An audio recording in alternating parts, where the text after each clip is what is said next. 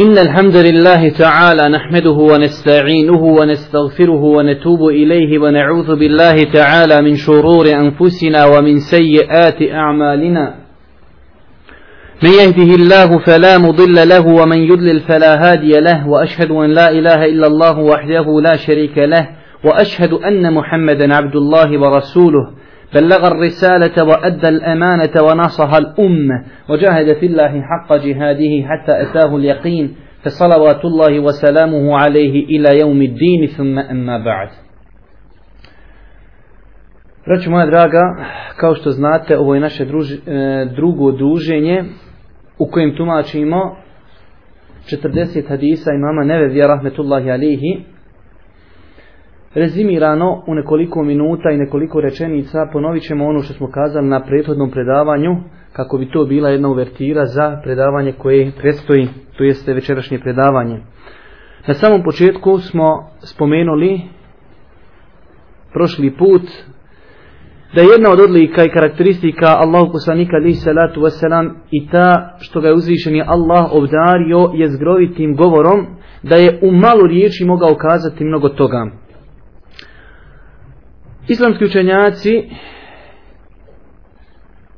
u mnogo stvari su pokušavali da sakupe određene hadise u želji da olakšaju ljudima svatanje Allahovi subhanahu wa ta'ala vjere imam nevevi rahmetullahi alihi jedan je od njih koji je pokušao da sakupi 40 hadisa je zgrovito govor Allahu poslanika alihi salatu wasalam pokušavajući sa tim hadisima da zaokruži cjelinu Islama. Kazali smo da imam Nevevi rahmetullahi alihi porijeklom iz mjesta koji se zove Neva, nedaleko od Damaska, da je tu rođen, da je nakon 18. godine odselio u Damask i gdje je ostao da živi sve do svoje smrti. Kazali smo da njegov život koji je bio relativno kratak, 45 godina, nosi u sebi mnoge pouke, poruke za sve one koji su došli nakon njega, pa smo kazali da imam neve rahmetullahi alihi ostavio iza sebe mnogo veliko naučno bogatstvo, da je autor 33 dijela, da je 13 ili 14 dijela ostalo nezavršeno iza njega. Autor je poznatog dijela Rijadu Salihin, 40 hadisa imama Nevevija, komentar fikskog dijela koji on naslovio El Međmu' u kojem je komentarisao knjigu El Muhezzeb, također autor knjige Raudatu Talibin i mnogo drugih knjiga. Kazali smo da je od rani mladosti počeo da traži znanje, što je velika pouka i poruka svima onima koji žele da krenu putem velikana. Također, kazao je sam o sebi, kao što to navode svi oni koji govori o njemu, da je dnevno prisustovao na 12 različitih predavanja, što je veliki pokazatelj koliko truda je taj čovjek uložio na putu educiranja i sticanja znanja o Allahu i vjeri. Također, kazali smo da se imam nevevi odlikovao na drugima time što je poznavao fik i što je poznavao dobro hadijske znanosti, tako da je napravio jedan veliki spoj i što je onaj urodilo velikim plodom.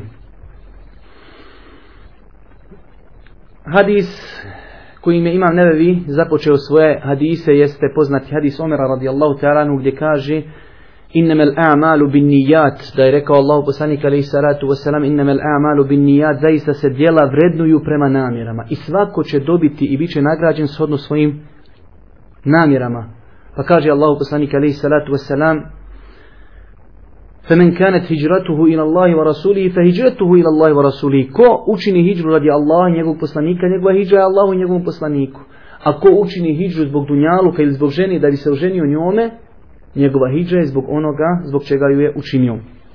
Kazali smo da ovaj hadis od Allahu poslanika prenosi Omer, pa smo spomenuli neke karakteristike Omera, od kojih je zasigurno najbitnija da je u više hadisa Allahu poslanika zabilježeno da ga je Allahu poslanik obradovao još na Dunjaluku džennetom. Kazali smo da je mnogo drugih učenjaka koji su svoje knjige odpočinjali sa ovim hadisom, na čelu svih tih ljudi jeste Imam Buhari rahmetullahi alihi koji je svoj sahih, svoj vjerodostojnu zbirku hadisa otpočeo sa istim ovim hadisom innamel a'malu bin nijad zaista se tijela vrednuju prema namjerama što je jasna pouka i poruka svima onima koji čitaju te knjige da svako dijelo čovjekovo treba da bude iskreno radi Allaha subhanahu wa ta'ala kao i pisanje knjiga kao i čitanje knjiga. Govorili smo šta su islamski učenjaci kazali o ovom hadisu do te mjeri da su neki kazali da je to polovina islama, da se tim hadisom regulišu sva ovo dunjalučka dijela, dok imamo drugi hadis Aisha radijallahu ta'ala koja će nam uskoro doći, taj hadis, on je jedan od 40 hadisa imama Nevevija, koji regulisa u pitanja ahireta, to je hadis ko uradi ili uvede u ovoj našoj vjeri ono što nije od nje, to će mu biti odbijeno. Taj hadis reguliše ahiretska dijela, a ovaj hadis, hadis Omera radijallahu ta'ala reguliše i govori o dijelima na Dunjaluku. Nakon toga smo citirali neke izjave prvih generacija, ljudi iz prvih generacija koje ukazuju koliko su oni mnogo pažnje posvećivali nije to namjeri. U večerašnjem predavanju na samom početku koristi radi, opet ćemo se samo vratiti kratko zbog bitnosti u život imama Nevevija rahmetullahi alihi, jer nismo to spomenuli prošli put, a interesantno je spomenuti da je njegov otac bio pobožan i čest čovjek. Što je nama svima velika pouka i poruka je, braću moja draga, uzvišen je Allah i svoje milosti, daje da čovjek koji je dobar, koji je čestit, koji je pobožan, da se to, taj blagoslov tog ibadeta odrazi na njegove potomke. Ne znam koliko čitate s razumijevanjem sura Kehf koju učimo svi petkom ako Bog da, pa tamo onaj događaj sa Musaom alihi salatu wasalam i Hidrom. Pa znate kada Musa, Musa alihi salam dolazi kod Hidra i kaže želim da te slijedim. Pa su prvo na početku ušli na jednu lađu pa je Hidr prokopao. Pa su naišli kad jednog dječaka pa ga je ubio. Pa su onda došli u jedno naselje gdje je bio jedan srušen zid pa ga je on prezidao. Pa Musa alaih salam te stvari nije mogao trpiti pa je pitao zašto si uradio sve te stvari.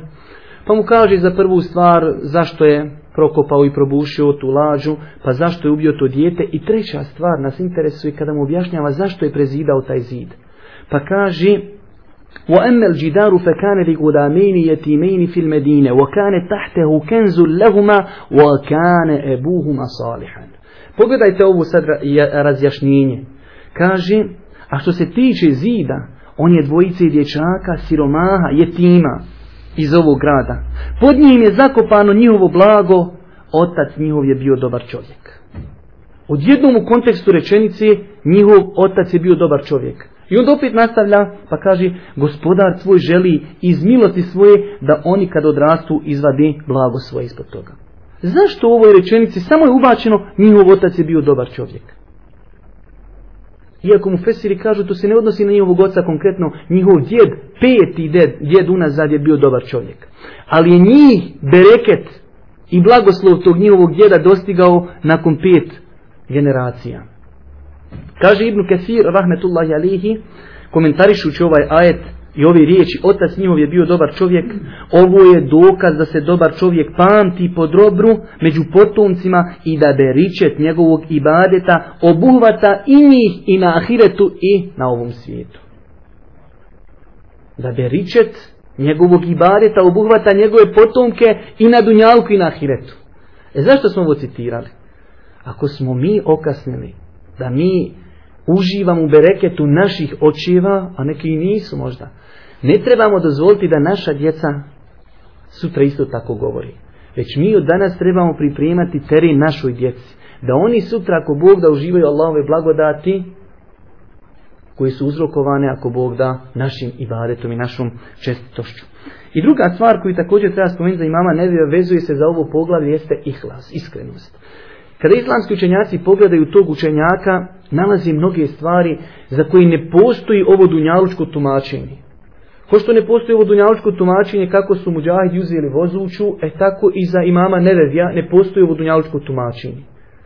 Njegova knjiga za koju kažu da je remek dijelo, Rijadu Salihin, kažu učenjaci da je to najčitanija i najrasprostranjenija knjiga na dunjalku nakon Kur'ana. A on je napisao u 7. stoljeću.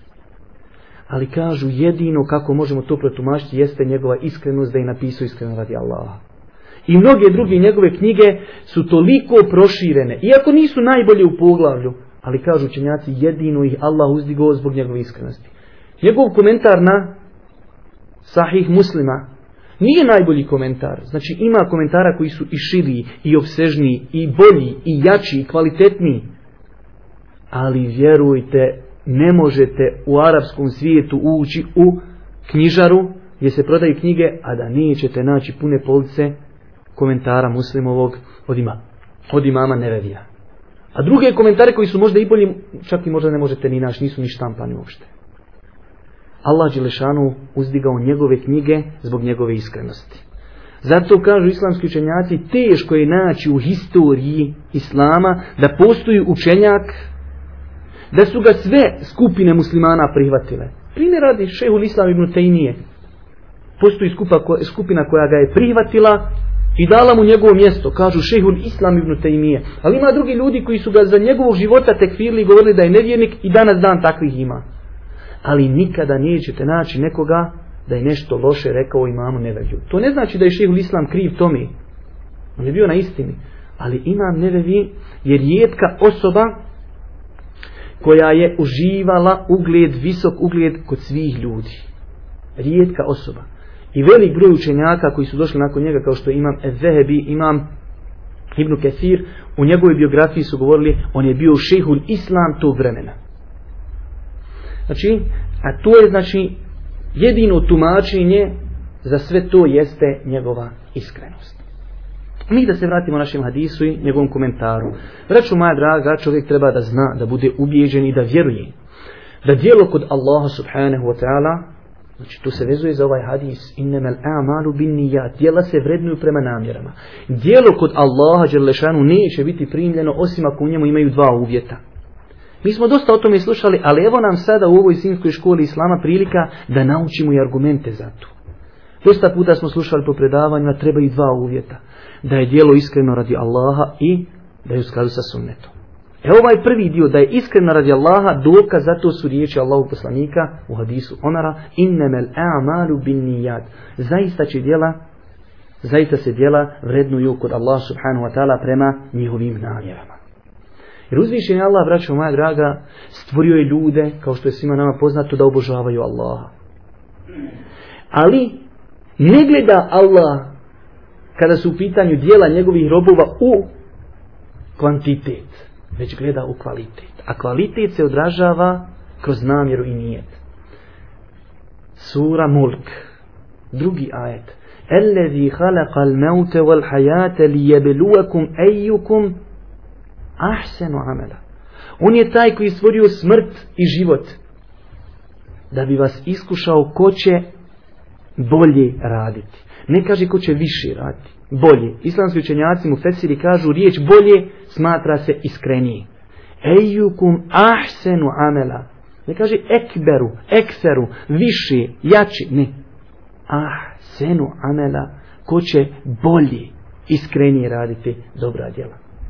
Da se vratimo ovim uvjetima. Da bi dijelo bilo primljeno kod Allaha, u tom dijelu se mora ispuniti dva uvjeta. Prvo da je dijelo iskreno radi Allaha i drugo da je u skladu sa načelima vjeri. Ako izostane jedan od ova dva šarta, dijelo neće biti primljeno. Primjera radi. Ako je dijelo iskreno radi Allaha, ali nije u skladu sa šerijetom, šta je to? To je novotarija. Čovjek može imati iskrenu namjeru, ali čini ono što nije naređeno vjerom. Čovjek svaki dan kaže, eto, ja sam toliko dobar musliman, idem ja svaki dan pet rekiata klanjat podne namaza farza. Ne četiri, pet, eto, toliko sam dobar. Ne privata se.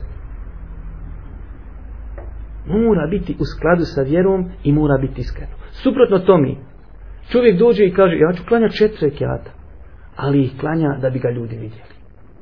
Opet nije prihvaćeno. Mora i jedno i drugo. I da je radi Allaha i u skladu sa šerijetom. Tek tada će biti primljeno. Ako fali bilo koji od ova dva uvjeta, uvijek djelo nije validno i neće biti primljeno. Vratimo se hadisu.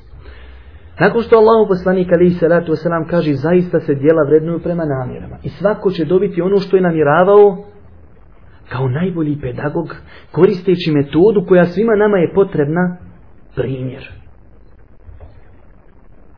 Pogledate li danas u knjige ti neki učenjaka današnjici, vidjet ćete da su uspjeli, a jedan od razloga nakon njihove iskrenosti jeste što su koristili metode koje koristio poslanik. Primjer radi šehu Semin rahmetullahi alihi.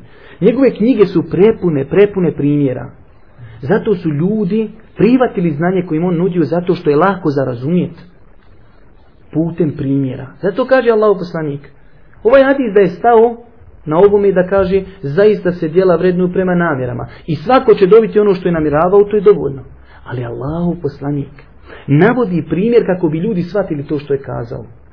Pa hoće da im kaže, evo pogledajte kako jedno djelo vanjštinu može izgledati isto, identično kod dvojice ljudi, ali je razlika u namjerama i razlika u nagradama.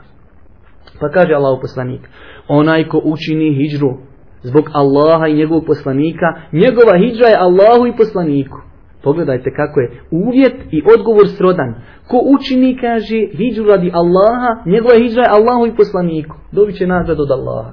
A pogledajte drugi dio. Kaže, a ko učini hijđu zbog ženi ili zbog dunjaluške koristi. Ne kaže, njegova koristi od žene ili dunjaluške, ne. Kaže, a njegova hijđra, da bi zaokružio sve druge stvari mimo Allaha i njegovog poslanika, kaže, a njegova hijđra je zbog onoga zbog čega ju je učinio. Dvojica ljudi, ovo dvojica odešli zajedno na hijđru. Čine hijđru. Ali jedan ode zbog Allaha, drugi ode se oženi. I jedan će imati nagradu hijđre, a drugi će imati ono od dunjalka što je namjeravao. Znači to je jedna izuzetno bitna metoda koju čovjek treba da koristi u razgovoru sa ljudima, a to je da im pojašnjava primjerima. Normalno, nakon ovog dijela, svako drugo dijelo možemo na isti šablon izvagati bilo koje drugo dijelo na ovaj šablon na koji je spomenuo Allahu poslanik ali salatu wasalam. Velik broj učenjaka kada, kada komentariše ovaj hadis spominje da je razlog izricanja ovog hadisa bio poznati događaj Umu Kajs. Žena koja se zvala Umu Kajs, kada je zaprosio čovjek, ona je kazala, neću se udati dok ne učiniš hijđru. Pa je on učinio hijđru zbog nje da bi se oženio sa njom. Većina učenjaka spominje da je to razlog izricanja ovog hadisa, ali je ispravno i validno da ne postoji validan dokaz da je Allah poslanik ovaj hadis izrekao zbog tog događaja. Ispravno da se ovaj događaj desio nakon smrti Allahu poslanika, ali je događaj se desio. Da se žena nije htjela udati za čovjeka dok ne učini hijđu. Pa se on učinio hijđu da bi se njome oženio. Pa su ga ljudi u njegovoj sredini zvali muhađir u mukajs. On je njen muhađir, on nije muhađir već je muhađir njezin, ona mu to uslovila i on to učinio i onda ga oni zvali u tom društvu, kaže on je muhađir žene koja se zvala u s njezin muhađir. Allahu poslanik alaihi salatu wasalam u mnogo hadisa nam je pojasnio da djela koja su vanjštinom ibadeti i radi Allaha su neispravne i nisu validne ako se ne učini radi Allaha subhanahu wa ta'ala. Jedne prilike mu dolaze, kao što je zabilježeno u hadisu Buhari i muslima, pa kažu Allahu poslaniće. Čovjek ide u džihad radi ganime, radi plijena. Drugi ide u džihad da bi se pokazao. Treći ide da bi postao poznat. Ko je od njih na Allahovom putu?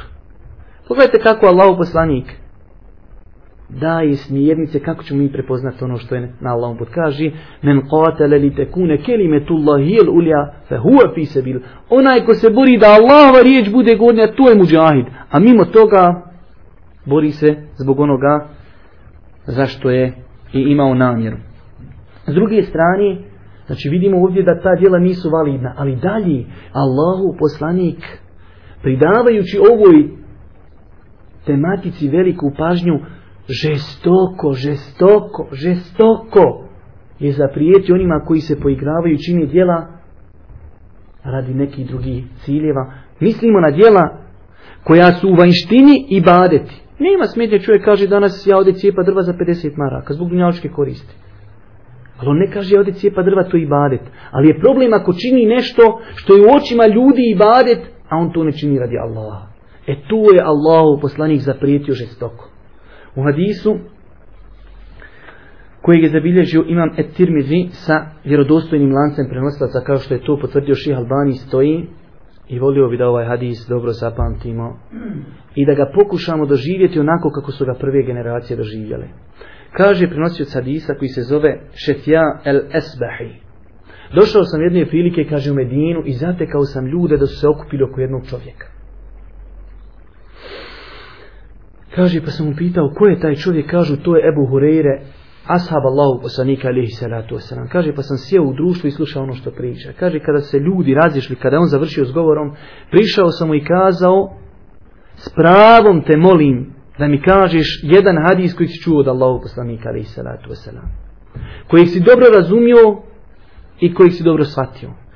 Kaže, pa mi rekao Ebu Hureyre, kaže, kazat ću ti hadis koji sam čuo od Allahu poslanika i dobro sam ga razumio, čuo sam ga, kaže, u ovoj kući, a niko nije bio osim mene i Allahov poslanika. Kaže, pa se od silni muki, zbog onoga što treba prenijeti, kaj toliko se zakašlio, toliko se, kaže, zahroptu, kaže, da je posjeću na mrtvaca. Kaže, pa je prošlo malo vremena, kaj pa je došao sebi, osvijestio se. Kaže, kad je me opet ugledao, naopalo me šta treba, kaže, da, obavijestit ću te o hadisu, kojih sam čuo i razumio od Allahu poslanika u ovoj kući i nije bio niko sim ja i Allahu poslanik. Kaže, pa se opet toliko zahroptao poput mrtvaca. Kaže, pa je opet došao sebi. Četiri puta je tako pada u nesvijest. Četiri puta je pada u nesvijest. Četvrti put je, kaže, krenuo da padne, pa sam ga, kaže, ja uhvatio na svoja prsa. Pa kada je došao sebi, kaže, Allahu poslanik mi je rekao u ovoj kući. Allah subhanahu wa ta'ala će na sudnjem danu sići da svede račune sa njegovim robovima. Kaže, prve osobe koje će zovnuti da polažu račun jesu tri osobe, Hafiz, bogataš i muđahid na Allahovom putu. Pa će u te trojice prvo zovnuti Hafiza.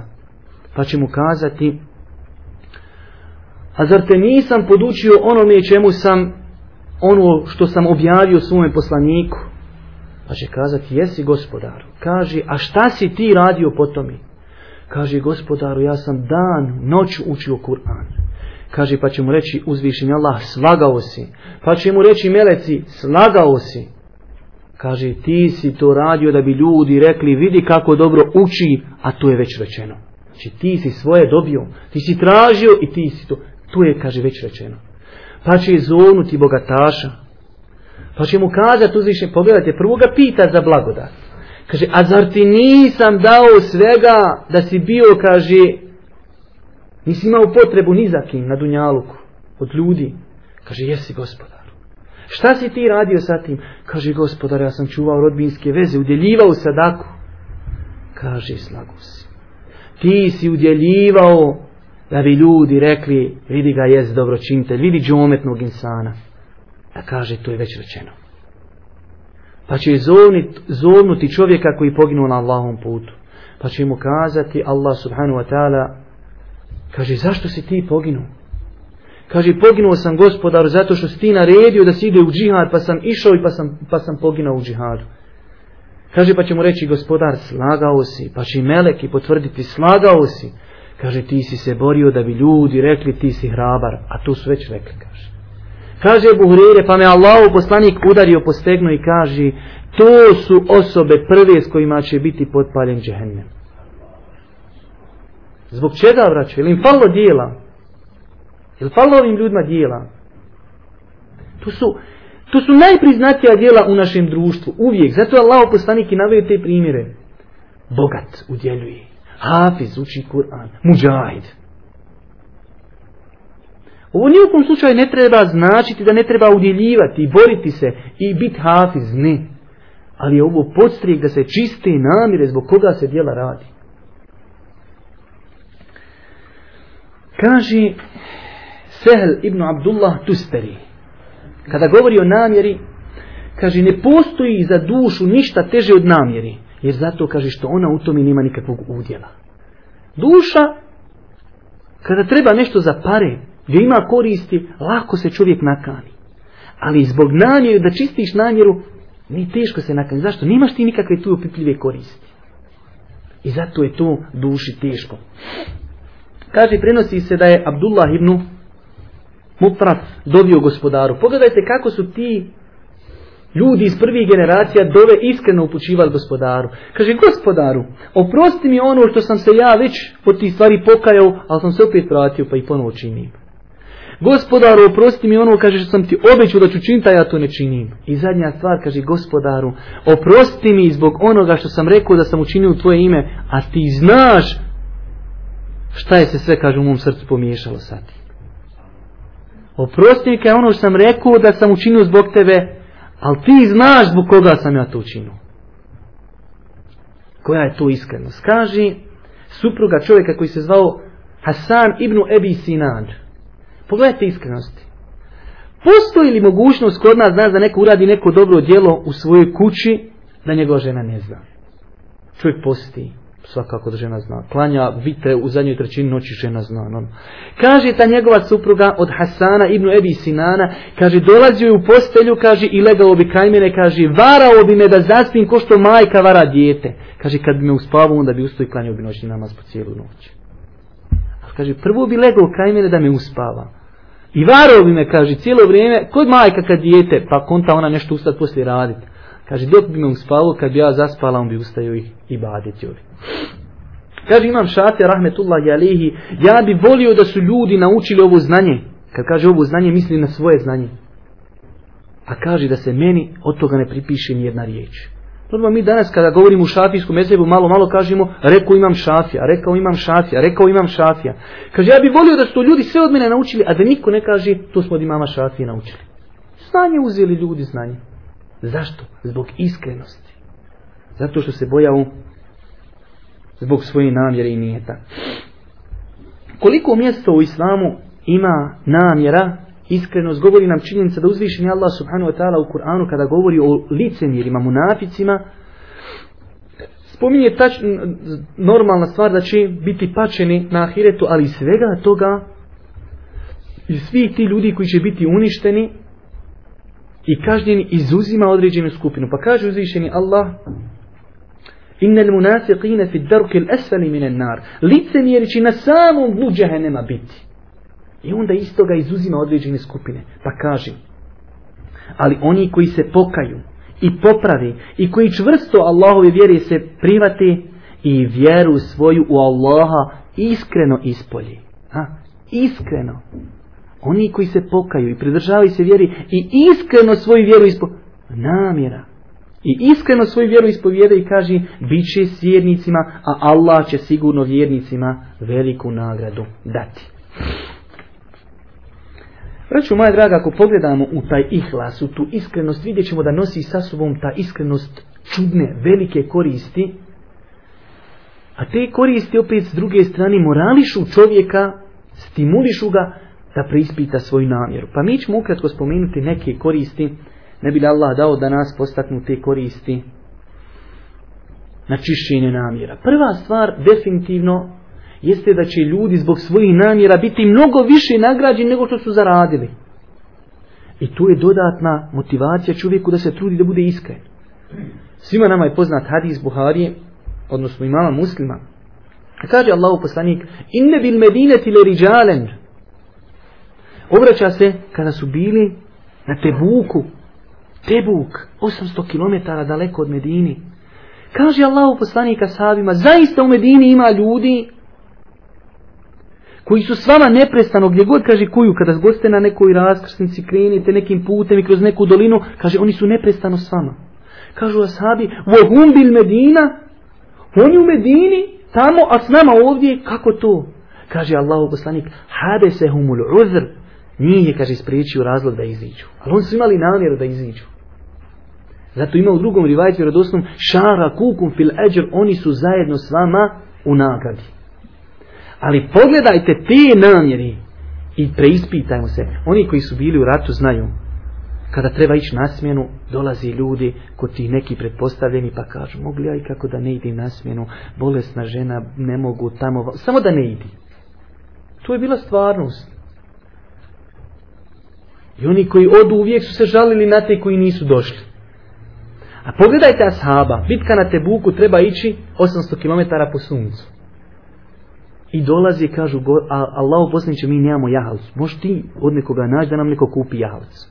Kaže Allah poslanić, ne mogu. I o to mi nam Kur'an govori, pa kaže, وعلى الذين إذا ما أتوك لتحملهم قلت لا أجد ما أحملكم عليه تولوا وأعينهم تفيد من الدمع حزنا Ella jedidu ma yunfiqun. Ni onima kojima si rekao kada su ti došli da im da životinju za ljahanje, ne mogu naći za vas životinju za ljahanje.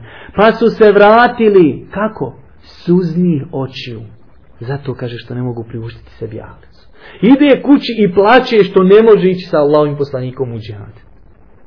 E, to je ona iskrena namjera. To je iskrena namjera da je on htio zaista ići. Da plaće što ne može ići. E takav sjedi kod kuće, a pišu mu se se vapi kod da je otišao na tebuk. Zbog čega? Zbog namjeri.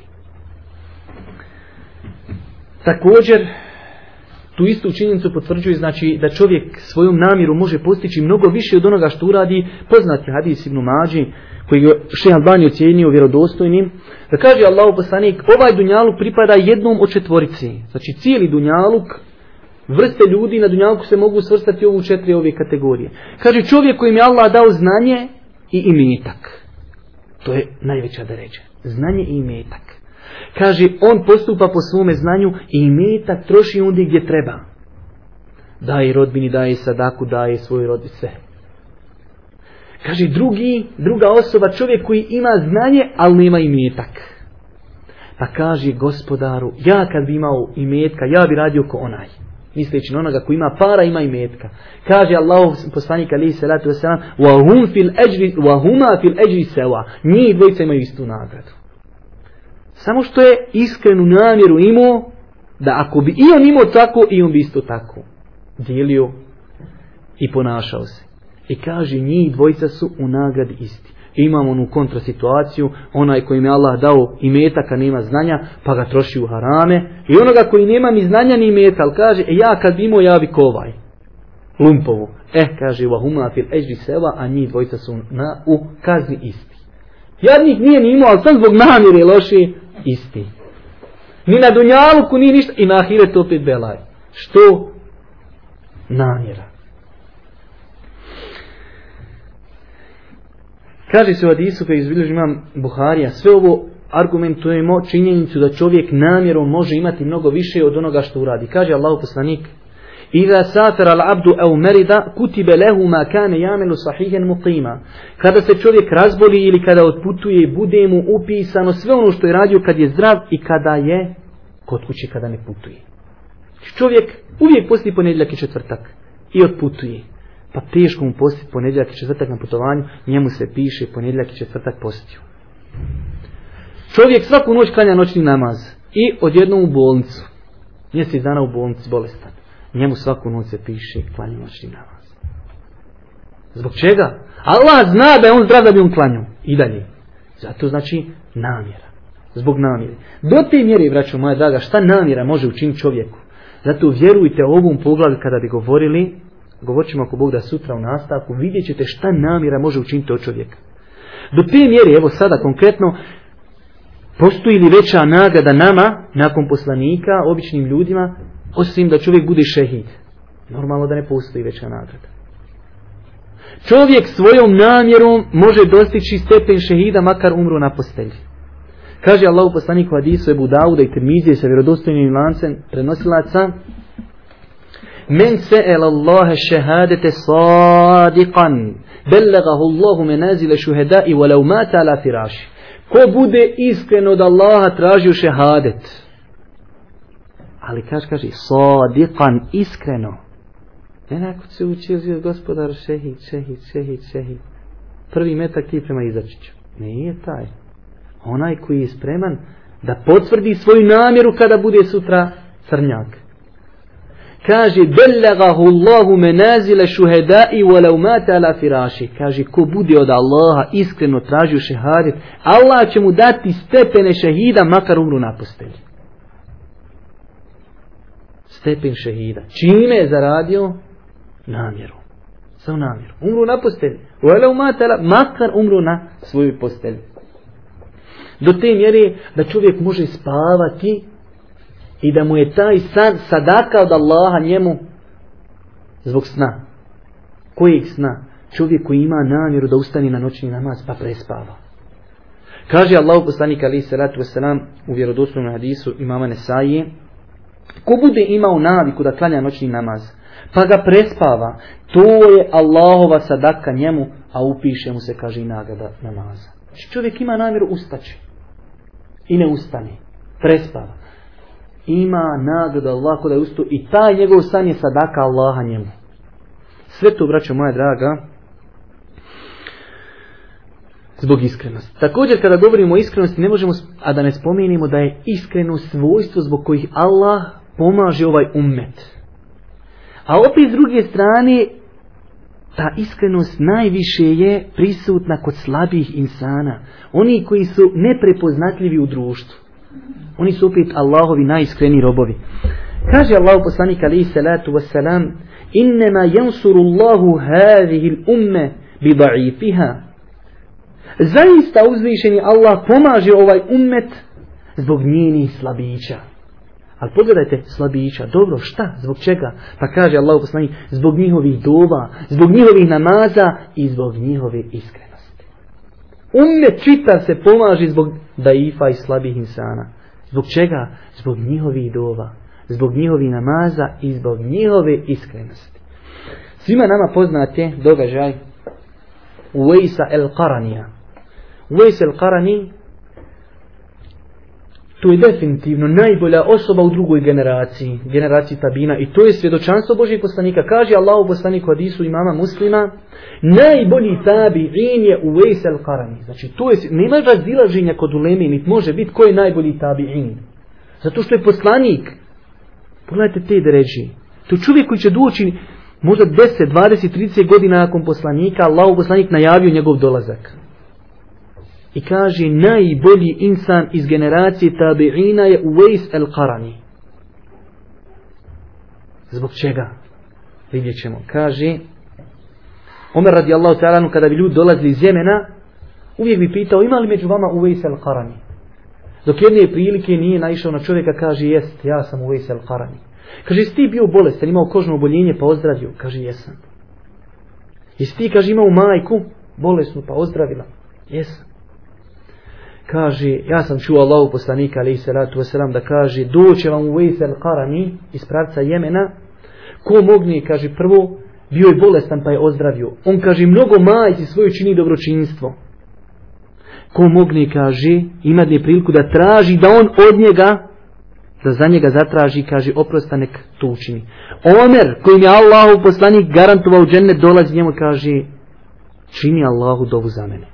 Jer sam ja čuo poslanika da kaže ko vidi u vesel karanje nek traži da čini dovu. Jer se kaže njegova dova ne odbija zbog njegove majke. Što je toliko učinio dobročinstva kaže Allahu poslanik. Lau akusama ala Allahi la edarreh on. El karani u ves. Kaže kad bi od Allaha nešto zatražio Allah će mu to dati.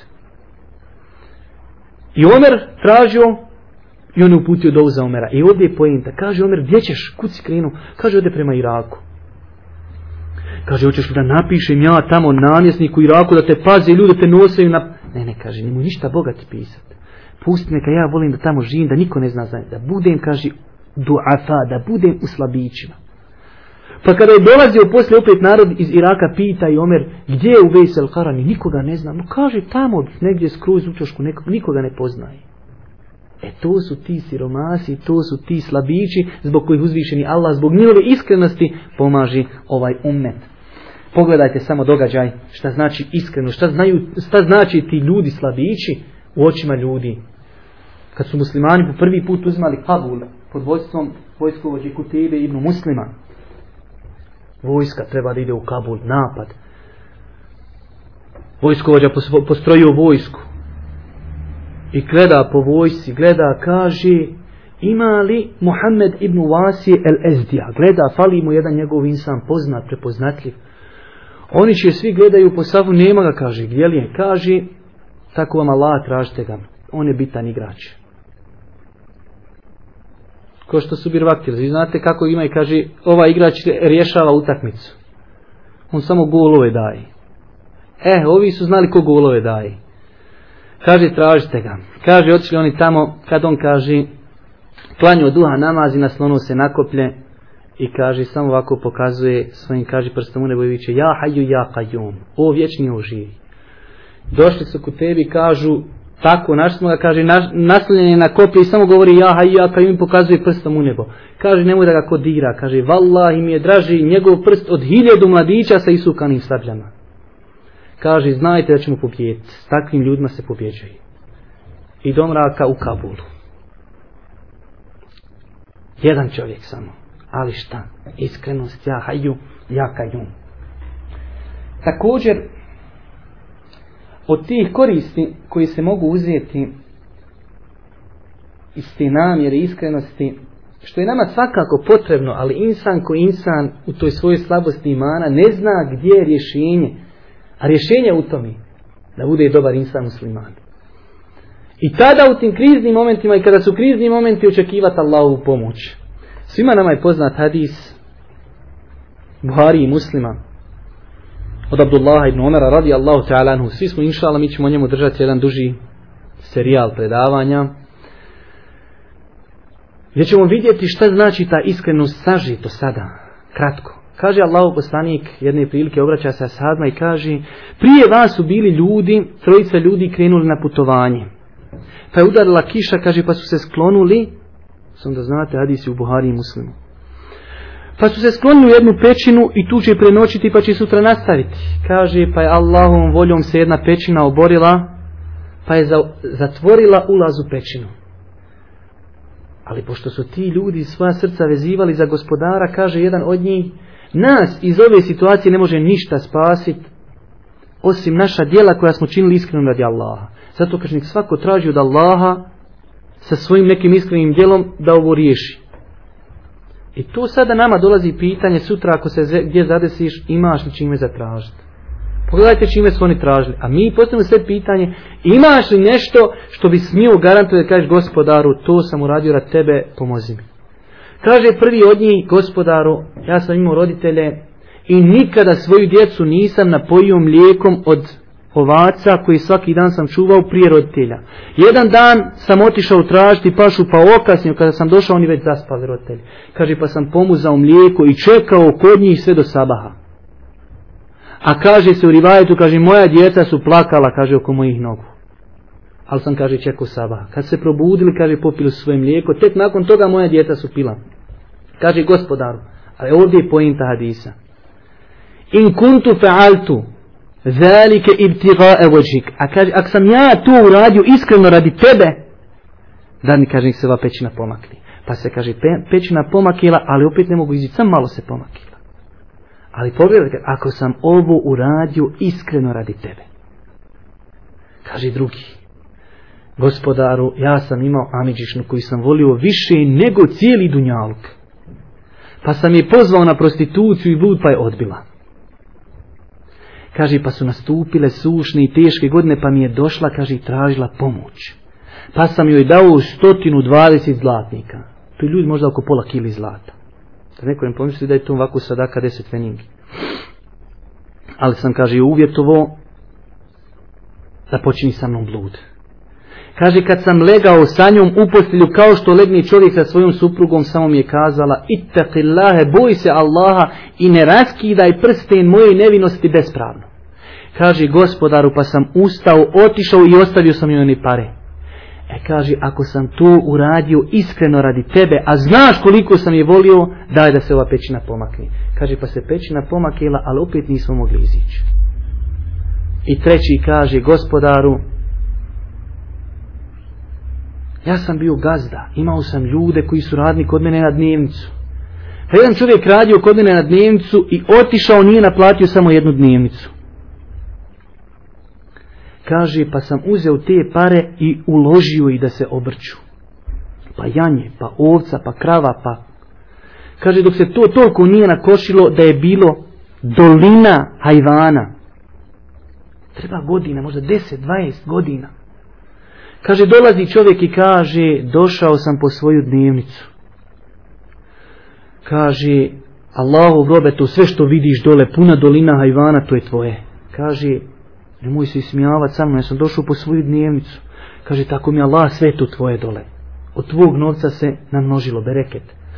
Kaže gospodaru pa je uzeo čitavu dolinu hajvana da meni nije ništa ostavio. E kaže ako sam ja to uradio iskreno radi tvog lica, nek se pomakne stina, Kaže pa se stina pomakila pa su nastavili ići dalje. Za te krizne momente, te ni nam palo, vjerujte da Allah sačuva svih nas iskušenja.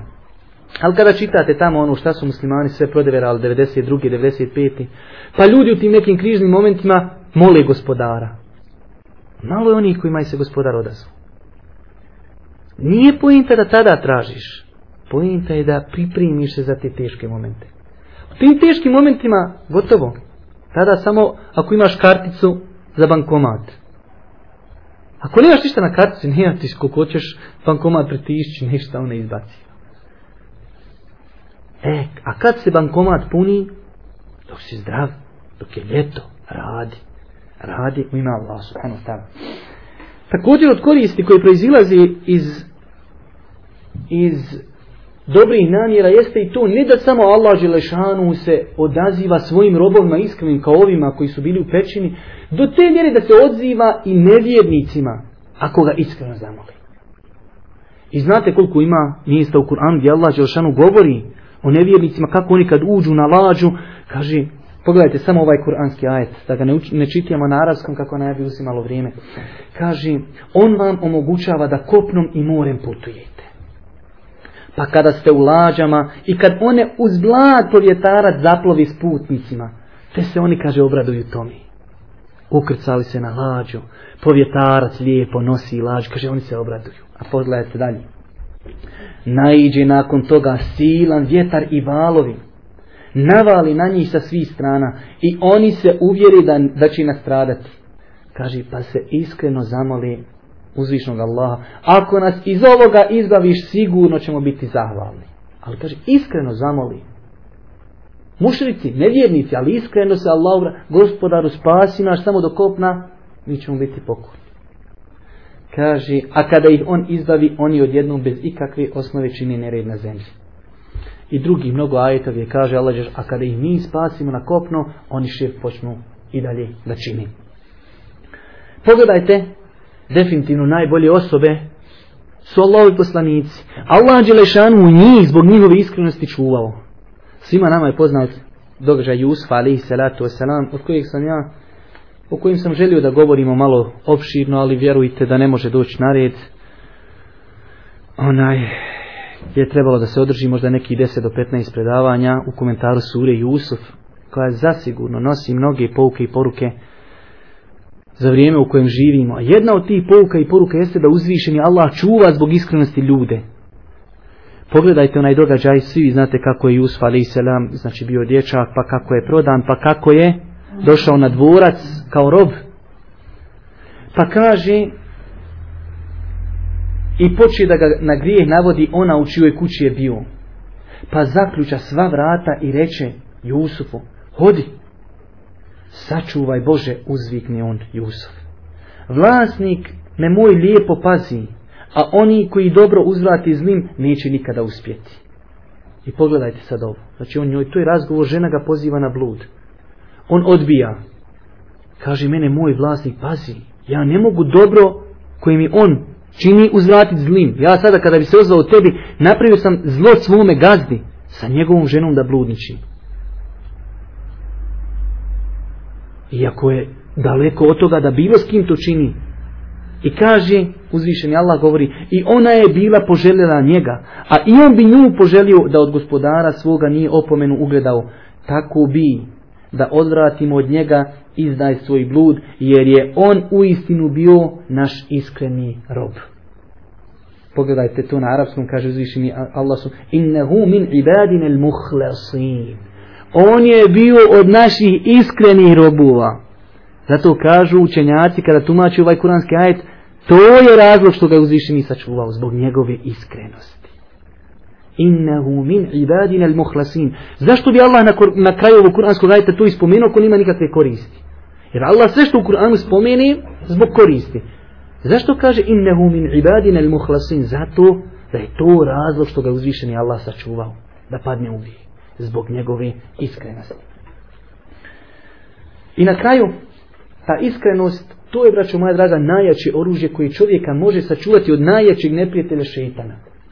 Jer nama je definitivno najveći neprijatelj šeitan. A vjerujte, možda na deset ili više mjesta u Kur'anu ćete naći izjavu razgovor koji Allah subhanahu wa ta'ala prenosi u Kur'anu između uzvišenog Allaha i šeitana. Pa gdje šeitan kaže gospodaru, e, kad već zna da će u džehennem, kaže pusti me do sudnjeg dana, da zavodim. Pa kaže Allah subhanahu, eto imaš priliku do sudnjeg dana. Kaže gospodaru, zavešću sve tvoje robove. Sve tvoje robove. I onda kaže, illa ibadeke minhumul muhlasin. Osim tvoje iskrene robove. Njima ja ne mogu ništa, kaže. Ja na njima nemam kontroli. Jedino njima ja ne mogu ništa. A ostali, kaže, sve ću ih zavesti. Jedino, kaže, to je, to je ono u Kur'anu što piše. To nisu moje riječi. Na, na više od deset mjesta u Kur'anu možda ima taj razgovor između uzvišenog Allaha i šeitana. Illa ibadeke minhumul muhlasin. Sve ću ih, kaže, zavest, osim iskrenih tvojih robova. Jer iskrenog je teško zavesti. Onaj koji je neiskren, čas lijevo, čas desno. Ali onaj koji je iskren i ko zna zašto živi, s takvim je onda teško imati poslije. Ja sam mislio još večeras da nešto obradimo, ali mislim da je to već previše, iako pitanje kako će to sve sutra stati u jedno predavanje, ali eto gledat ćemo ako Bog da da to onaj nekako ukalkulišemo, da malo nešto skratimo, nešto izbrišemo, nešto onaj preskočimo, da to ako Bog da mogni sutra sve stati i da sutra sa sutrašnjim predavanjem završimo komentar ovog hadisa, a nakon toga nam dolazi hadis Džibrila, koji je još veći problem od ovog hadisa, znači ja sam naišao na ovaj situacije da određeni šehovi učenjaci, jedan od učenjaka, priznati veliki učenjak u Egiptu, Mohamed Hassan, pola samo hadisa je komentarisao u 93 predavanja. Svako predavanje traje po sat vremena i više. Sam do pola hadisa. Pa ćemo eto vidjeti mi makar da mi to nekako skratimo dva, tri predavanja ako Bog da. Allah će da vas nagradi na vašem prisustvu i na vašoj pažnji. Molimo Allah Đelešanu da, da ono što smo čuli bude dokazom za nas, a ne protiv nas.